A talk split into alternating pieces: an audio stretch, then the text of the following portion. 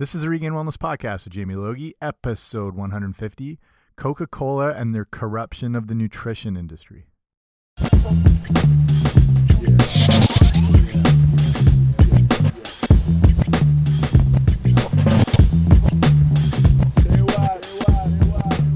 Hey guys, what's happening? Welcome back to the podcast. I'm Jamie Logie. I run regainedwellness.com, and today it brings to you the Regained Wellness podcast of the same name. So thanks for coming on out. And this is a show I wasn't, I always have my episodes planned out way far in advance, and I record a lot of them beforehand and just have them all ready to go. So this is something that only came up in the last few days, and it's that insights into how big companies influence, in, in this case with nutrition, influence a lot of the research that goes into any reports you see where they're you know in this case like regarding sugar and you, you see these odd things like oh maybe sugar's not as bad as they say or you read things on artificial sweeteners or aspartame and there's oh there's studies that say it's not that bad and when you look a little deeper you start seeing that the companies that have the interest in these things today in this situation talking about coca-cola uh, they're the ones who are funding and behind a lot of the research that's in their best interest. And this is a, a whole article and kind of research that was unveiled. I mean, I, people know about this sort of thing. This this article puts a little more insight into specifically what Coca-Cola has done. So that's the focus on this whole show, which I've just find very interesting, and I think it's worth sharing this info if you haven't seen it already. So before we start, make sure you subscribe to the podcast. This is my run of the mill generic subscribe to the show on iTunes or Apple Podcasts or wherever you find podcasts. And okay, that's out of the way, so let's get right to it. Okay, so the focus of this whole episode comes from an article and report from healthnewsreview.org and a reporter named Kathlyn Stone on that whole issue of how there's been internal documents that show Cokes had profits in mind when they funded their nutrition unquote science. And like I said, this is nothing new. I mean, this goes back to the tobacco industry and into the 50s and 60s, and whenever you would see reports on tobacco not being so bad or you know the health effects aren't what the the mainstream media is saying and a lot of these studies were funded by the big tobacco companies. So it's nothing new, but it's still been happening a lot, but it's a lot more discreet now. And like I said, big ones are, are specifically like aspartame, sucralose, any of the artificial sweeteners, high fructose corn syrup. There'll be the odd study you'll see that's showing or a report you'll see in like a paper or online or magazine or whatever it's like oh it's you know artificial sweeteners maybe aren't all that bad. And when you dig a little deeper you see it's funded by companies like Monsanto or JD Searle or people that have you know a vested interest in selling a lot of this crap. And it's a lot of it's a lot of legit science. Like if i'm researching articles or podcasts i'm not looking for I'm not looking for sources like Men's Health magazine or Fit Muscle and Fitness. No disrespect to those, but you know, not exactly the groundbreaking science. Even if they do reference it, the the best places online are you know like the American Journal of Clinical Nutrition and probably PubMed, which is the big online resource for all like legitimate science and research and whatever. The problem is these big companies are able to you know, buy and pay off their own doctors and research teams and whatnot. And then these published articles show up on these legitimate sites where you can kind of curate all this different nutrition information and stuff like that. And, you know, it, it's actual science, it's actual studies, but it's, you know, funded by people trying to get them to already find the answers that they've, you know, had their minds made up on. And and a lot of the times it's a lot of cover up such a conspiracy word, but they, you know, they'll fund different organizations with completely different names so they show no connection to you know someone like coke or monsanto or whatever. But if you go on these sites like pubmed uh, this not long ago i was doing this i think it was something with aspartame or whatever um, might have been some, even something like with gatorade and artificial sweeteners or colors or whatever. So you look and you see the research and it's you know legitimate scientists and whatever. And then you look at the source and then you can go to that and then you can kind of backtrack through the articles and you can look and see okay, where was this study conducted? And then you see it's at whatever university. And then you see what part of the university was it um, conducted at. And then you'll see it might be this specific wing or branch of the university. And then you see where that, you know, branch or division of the university comes from. And then you look back and it's like, oh, it's owned by Nestle. You know, and then you can you can kind of always it's kind of the rabbit hole of finding you know the original source on who's looking to share information that's more in their best interest so it's a lot of these things when you see yeah like oh maybe trans fats aren't that bad have a little bit of a deeper look and you'll see so with this it's specifically coca-cola and so getting into the article there's been two new academic articles published this month. So what are we in here? We just started april but this came from march 2018 about fresh insights into how Coca Cola fueled its corporate interest through a front group and abused, you know, accepted transparency practices through a lot of sketchy disclosure of clinical trials, conflicts of interest. So this is it going like way deeper. When I mentioned that Nestle thing, that was, you know, pretty cut and dry. You it was easy to trace back. This goes a lot deeper. So this goes to a report published in the Journal of Epidemiology. I can never say that, and Community Health, so the JECH. Coca Cola's officials' own words established that their intent in funding the Global Energy Balance Network. I don't know if anyone's seen that before, the GEBN, and it's about, you know, how people should be able to balance calories and calories in are the same as calories out, which is one of the most misleading things anyone or any corporation can say. So they created this Global Energy Balance Network. It's a nonprofit organization nominally devoted to promoting education and science. Um, and ultimately, this was kind of a front to promote their own bottom line. So, internal Coca Cola documents show that the company sought to protect, sorry, to portray GEBN, that Global Energy Balance Network, as an honest broker in the whole obesity debate. And they wanted to use it to kind of reframe that discussion on the causes of obesity. They wanted to, I mean, people know to avoid refined carbohydrates and, and sugars and, you know, the calorie issue and whatever. So what Coke wanted to do was kind of flip the discussion on its head and say, oh no, anything you eat, as long as it's balanced, will, you know, leave your body the same way. And they're trying to create this organization that would say, you know, uh, 50 calories worth of almonds is the same as 50 calories worth of Coke, which could not be further from the truth.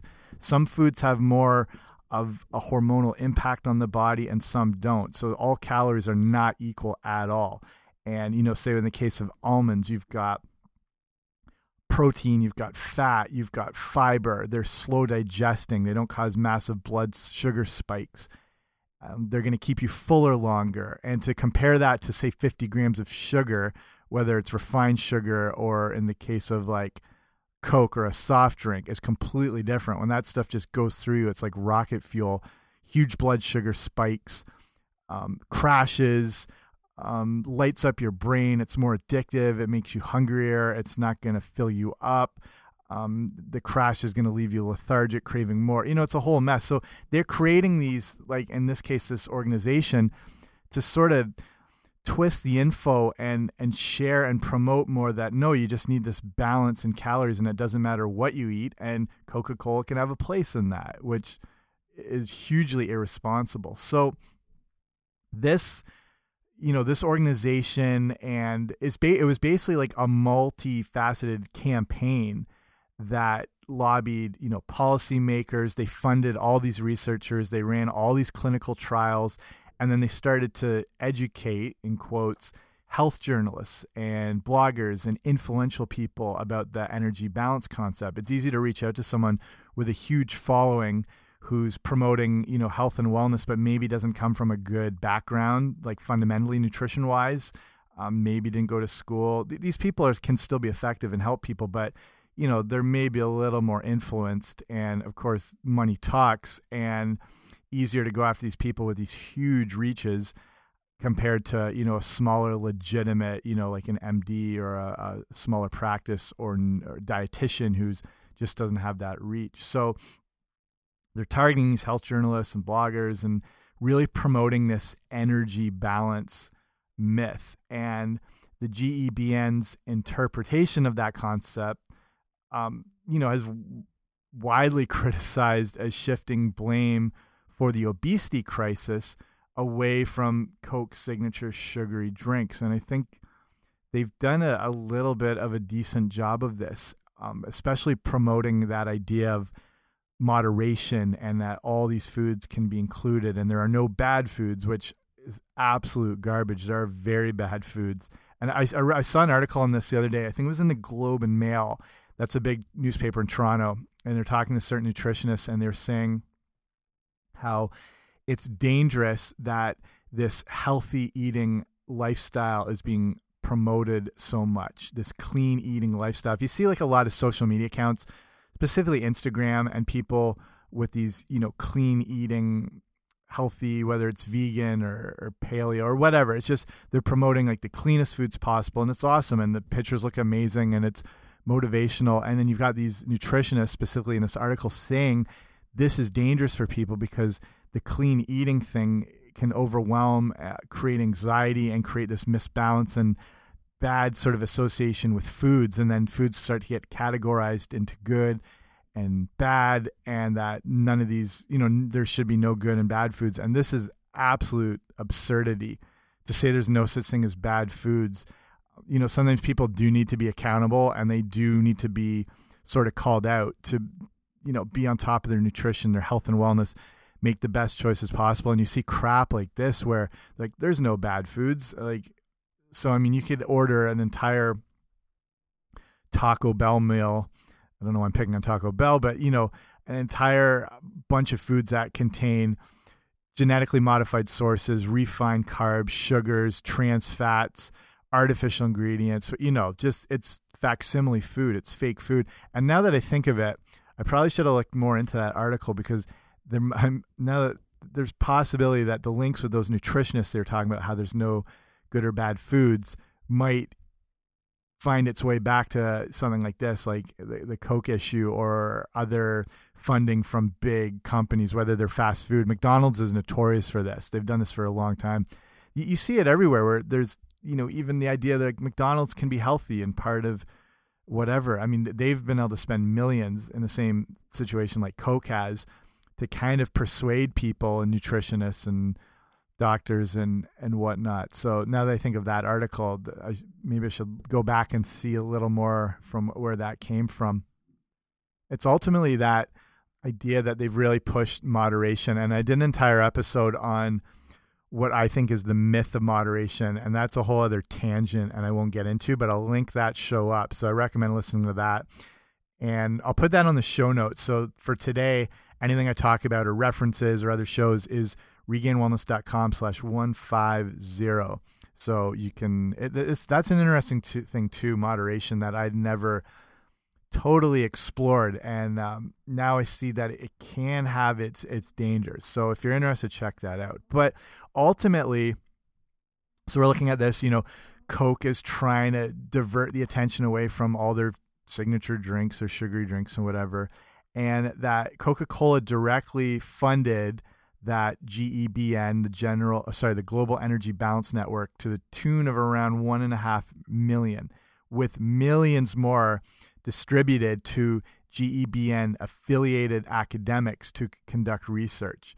So this disbanded in 2015, but uh, before this, they've funded hundreds of what are now seen as completely sketchy and suspect clinical trials, like the same legit clinical trials that go behind other good research. So it's just, it's so hard for people, and I totally understand to wade through all this stuff when you're bombarded left and right from what look like legitimate sources, and they actually are legitimate sources, but they're being you know funded and persuaded to find uh, conclusions that are in the best interest of Coca Cola. So this is now um, basically thanks to what's called the State Freedom of Information request. They this was made to the University of Colorado, a consumer and public health advocacy group called the U.S. Right to Know or the USRTK, USRICT, USRICTIC.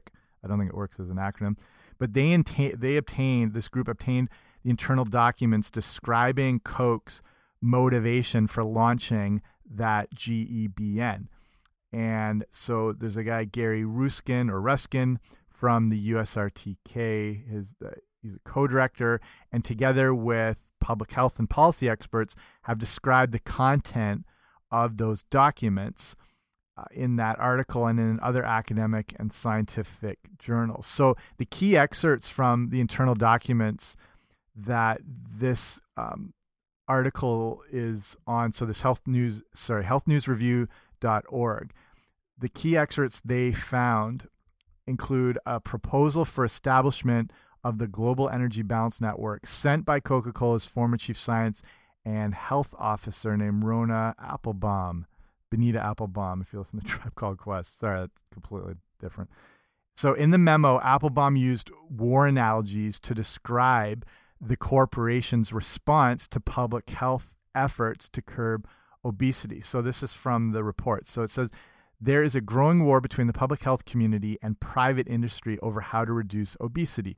Sides are being chosen and battle lines are being drawn. The most extreme public health experts have gained traction with the media, with many policymakers, and with an increasing appropriation, uh, appropriation of the general public. So, this Applebaum, the the chief science and health officer, likened the the GEBN to a political campaign and proposing that it develop, deploy, and evolve a powerful and multifaceted strategy to counter radical organizations and their proponents. So part of that multifaceted strategy was a program to, like I said before, educate journalists and bloggers and influencers about the energy balance campaign.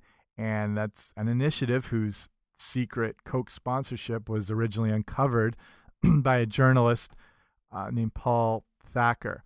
And Applebaum said the covert PR program was generating significant interest from the journalists who participated. This is back to that um, document. So in 2012, the Anschutz Health and Wellness Center at the University of Colorado hosted a three day educational event for 20 of the leading health and wellness journalists in the country. The event was an enormous success, and the journalists were enthusiastic about the information they received about energy balance and wrote a large number of stories about their experience. And you've got to think there was a lot of, um, you know, sort of closed door deals and whatever to get any of these articles in massive publications. So if you think they don't even name specifically who these 20 of the leading health and wellness journalists in the country are, but you could probably backtrack and find it. And they're probably working for big publications like either the New York Times or USA Today, Washington Post, who knows? But they handpick these people. Um, and I am sure it was worth their while attending and then writing about this whole energy balance thing ultimately under the guise of Coca Cola, trying to get, you know, a little better public perception. So, uh, and finally, the Coke executive referred to government regulations to tax or ban foods that are considered unhealthy as extreme solutions to the obesity problem. So I don't know if you've, I'm sure you've seen this, and if you're living in the States, you're maybe a little more aware. Whereas, say, like in New York City, they were trying to tax sugary soft drinks and they want to tax fast food and the idea that you know within 20 years the potential diabetic rates in the country will be so high that there won't be enough money from taxes at all to take care and handle that epidemic. So that was the thought like put a tax on the junk that's going to be causing all these problems because it's going to be needed to take care of everybody. But you know that's you know in Coke's eyes that was seen as an extreme solution. So uh, going back to the Carl she article, she wrote that Coca Cola's intention was to promote best practices that are effective in terms of both policy and profit. And, you know, they're not even hiding what they're saying there. They're completely interested in their profit. That's no revelation. Of course, a massive corporation wants that. But when it's in these documents that they're saying their interest is profit, like they're not even trying to hide it, which is brutal. So, corporations, you know, going back to the article here now from Health News Review, corporations often deny self serving motives when describing their funding of researcher and advocacy groups. So, these documents would appear, you know, they basically puncture any claim that Coke's funding was intended to advance the public interest. I think just from that term of promote best practices that are effective in terms of both policy and profit. I mean, they don't give a crap about the public, you know.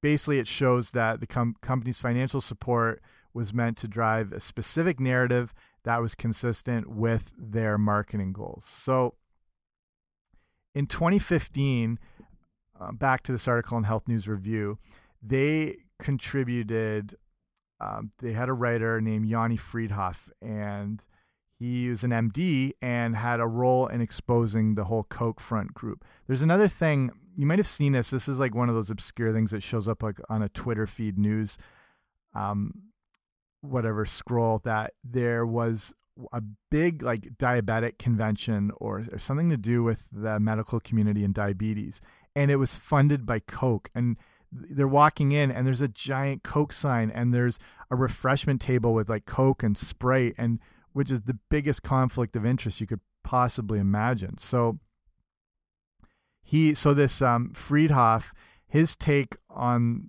the revelations is that it's you know it's business as usual for corporations, and though it's again what he says, there's nothing particularly surprising here.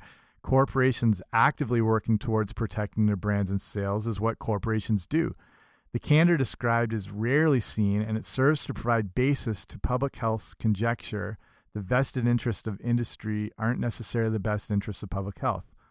Um, and he goes on to say, what's also worth noting is that by trying to create and fund an organization designed to be a weapon against public health and an advocate for policy change, Coca Cola simply sought to actively finance those researchers whose known pre existing beliefs supported the narrative least damaging to Coca Cola's flagship brand of sugar water, which in turn makes their claims that they were not influenced by Coca Cola more credible. So he actually says, like, you know, there might be some people who weren't necessarily influenced by Coke and have maybe come up with this energy balance thing on their own. I've seen this a lot, and from smaller time, you know, nutritionists or personal trainers, and they've just you know, obviously they're not being influenced or paid off or anything, but they've still promoted what I think is incorrect ways of um, insights into you know energy balance and that you know it doesn't matter what you eat as long as it's in moderation and whatever. And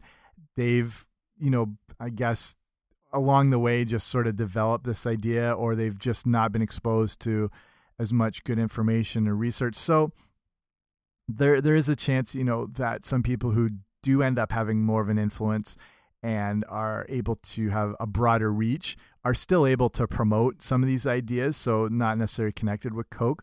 But you know a lot of these people and messages and platforms go back to companies like this and it's he was showing a video of one of the founders of GEBN and in the video he's saying this guy, uh, I think his name's Dr. Stephen Blair, and he's saying there's really no compelling evidence blaming sugary drinks and fast food as the cause of obesity.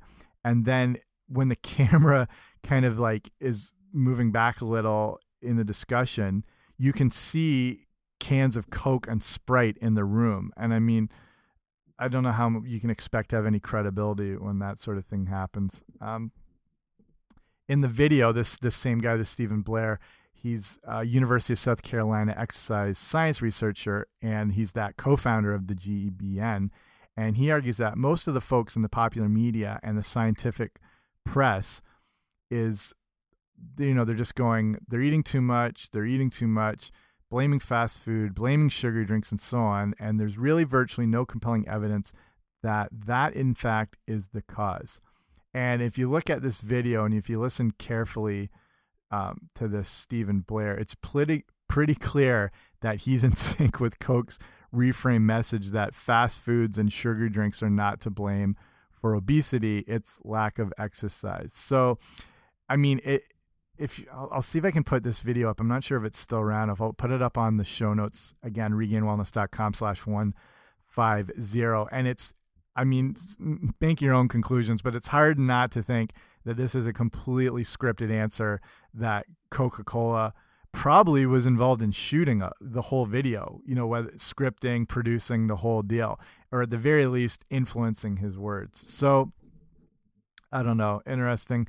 But kind of winding down, and the rest of what's from this healthnewsreview.org report in a separate essay published in Public Health Nutrition Journal, researchers analyzed how Coca Cola disclosed or failed to disclose which of hundreds of clinical trials were funded by the company over a four year period. Most of the published research is focused on physical activity and disregards the role of diet in obesity. So, that analysis revealed that among 389 articles published in 169 different journals involving 907 Coke funded researchers that Coca Cola acknowledged funding just 42 authors, less than 5% of those that actually funded. I mean, I don't get it. If they're if they're acknowledging they funded some, it's probably trying to say like we're not you know, we're, we're being transparent. We are funding a few things. But it's still to to cover up that much that they're only reporting 5% of what was actually funded is just it's comical pretty much. So the report concluded that because Coca-Cola has not declared a comprehensive list of its research activities and the several authors appeared to have failed to declare receipt of Coke funding, the full scale of Coca-Cola's involvement is still not known. So we might not ever know how deeply Coca-Cola influenced science in the name of profit, but just getting reports like this. I mean, like 389 articles. I read a lot of articles. I read a lot of research. I have not read that many articles. And that's what just this report that healthnewsreview.org and Kathlyn, this reporter, they've uncovered. What uh, it could go deeper. And this is just Coca-Cola. We're not even considering McDonald's, like those other things I said, Monsanto, JD Searle, Kellogg's, any of the big corporations. So th that's potentially thousands. And I guarantee those, well, like I've said, we know some of those other companies are doing the same thing, whether it goes back all the way to big tobacco up to in the early 80s when aspartame first came on the scene and JD Searle was, you know, trying to calm the public's fear because you've got all these doctors and people that are horrified that this is now available for people to consume. So this is just Coca-Cola and how much they try to cover up and at the same time what they're involved in. So it comes back, I'll start wrapping it up here. What it comes back to is continuing to do your own research and taking things with a grain of salt.